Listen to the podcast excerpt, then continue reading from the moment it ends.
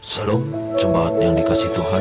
Hari ini kita kembali lagi mengikuti refleksi Gema Sebelum kita memulai mari kita bersama-sama membaca Alkitab sesuai teks dalam Gema Dan membaca Gema hari ini. Tuhan memberkati.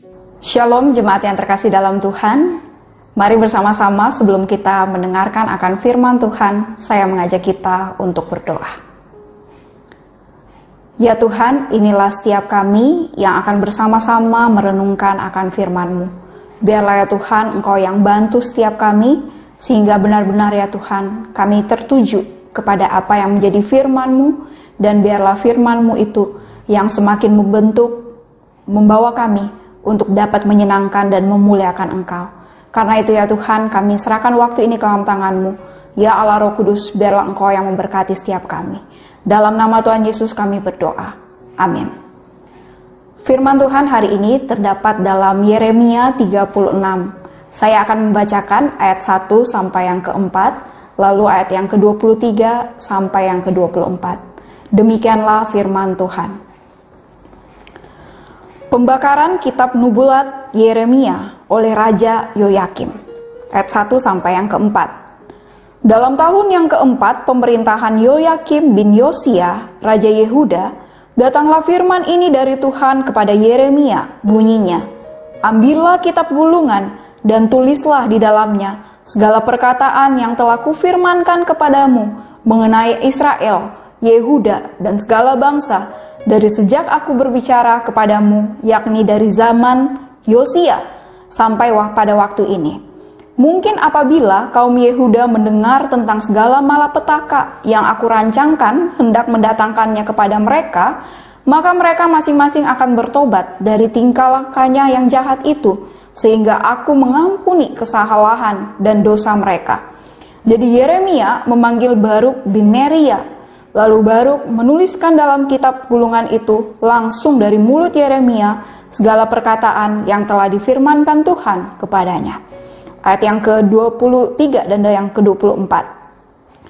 Setiap kali apabila Yehudi selesai membacakan tiga empat lajur, maka raja menggoyak-goyakkannya dengan pisau raut, lalu dilemparkannya ke dalam api yang di perapian itu, sampai seluruh gulungan itu habis dimakan api yang di perapian itu. Baik raja maupun para pegawainya yang mendengarkan segala perkataan ini, seorang pun tidak terkejut dan tidak menggoyakkan pakaiannya. Pedang bermata dua. Pernahkah kita mendengarkan akan istilah ini? Alkitab, firman Tuhan, sering dikatakan seperti pedang bermata dua yang mengiris dengan tajam setiap pendengarnya, terutama kepada pendengar yang hidupnya berlawanan dengan firman Tuhan. Alkitab firman Tuhan setidaknya mendatangkan akan dua hal kepada para pendengarnya, entahkah itu pertobatan ataupun perlawanan. Seperti kisah daripada Amal, seorang remaja Israel Arab yang dikisahkan di dalam buku IMN yang mengisahkan tentang kisah-kisah daripada para martir yang di mana melalui Alkitab Amal dikisahkan bahwa hidup di dalam pertobatannya di hadapan Tuhan. Bahkan ia percaya kepada Tuhan dengan mengebu-ngebu di dalam hidupnya.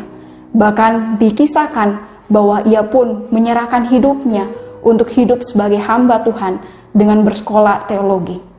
Di balik Alkitab yang ia dengarkan, ia mengalami pertobatan, ia hidup percaya kepada Tuhan, bahkan hidup melayani Tuhan. Namun ternyata ada di sisi lain yang dialami juga oleh Amal, di mana ia mengalami perlawanan dari keluarganya sendiri.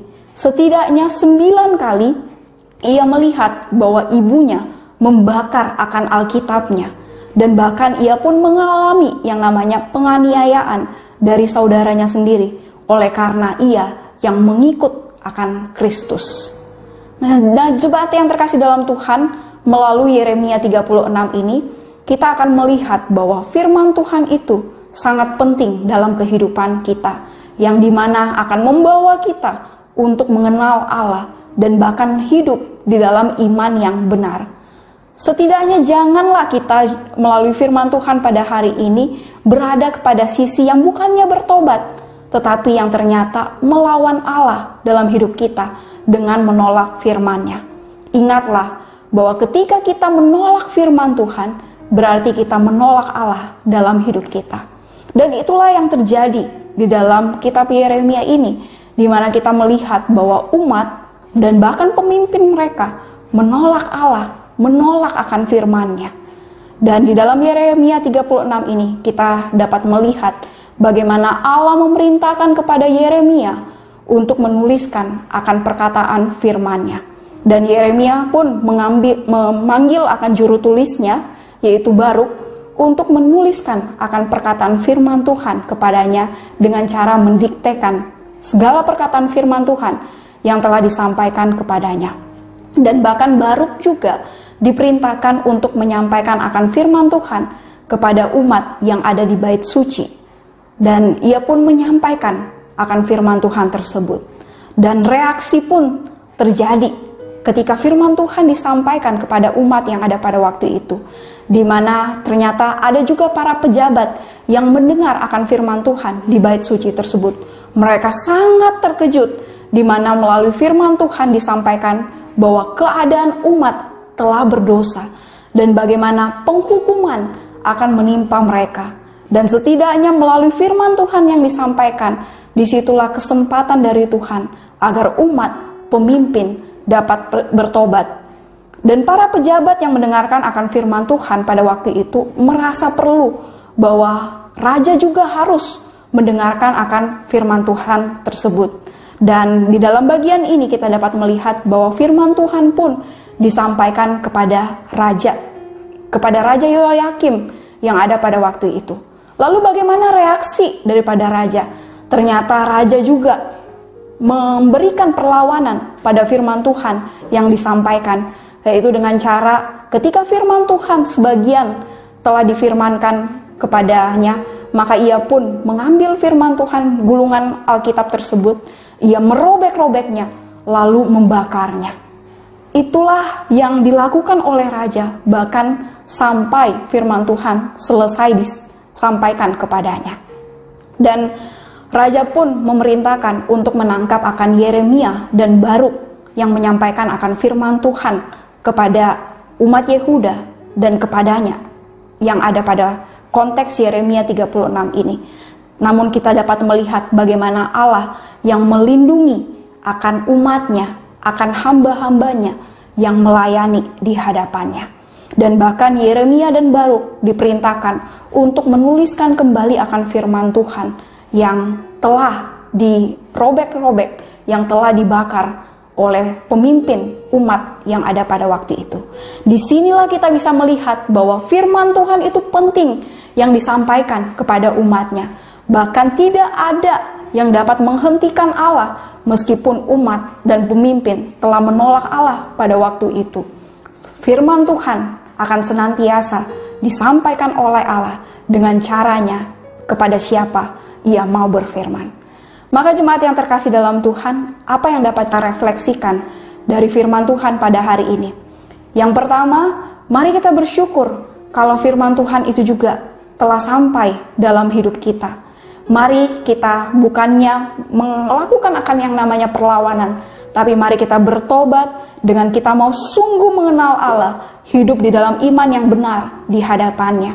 Dan yang kedua, mari kita tidak takut untuk menyampaikan akan firman Tuhan, Sebab meskipun manusia bisa menolak akan firman Tuhan tersebut, tetapi tidak ada yang dapat menghentikan Tuhan untuk berfirman kepada siapa ia mau berfirman. Karena itu ketika kita dipercayakan untuk memberitakan firman Tuhan, kita pun mari dengan bersandar kepada Allah, kita pun dapat melayaninya, menyampaikan firman, menyampaikan Injil kepada orang-orang di sekitar kita. Biarlah firman ini yang juga boleh meneguhkan dan menguatkan kita. Mari kita berdoa. Ya Tuhan, terima kasih untuk firman-Mu dan biarlah firman ini yang semakin meneguhkan kami untuk juga boleh mengalami firman Tuhan, mengalami pertobatan yang sungguh dan juga boleh mengenal Engkau hidup dalam iman yang benar. Bahkan ya Tuhan, ketika firman Tuhan itu juga dipercayakan kepada kami untuk diberitakan, biarlah sebagaimana kami merefleksikan akan Yeremia 36 ini, Kamu pun tidak takut ya Tuhan untuk memberitakan akan firman-Mu, sebab tidak ada yang dapat menghentikan Engkau untuk dapat menyatakan akan firman-Mu itu. Terima kasih ya Tuhan, terima kasih untuk hari ini. Kami sungguh bersyukur atas firman-Mu. Dalam nama Tuhan Yesus kami berdoa. Amin.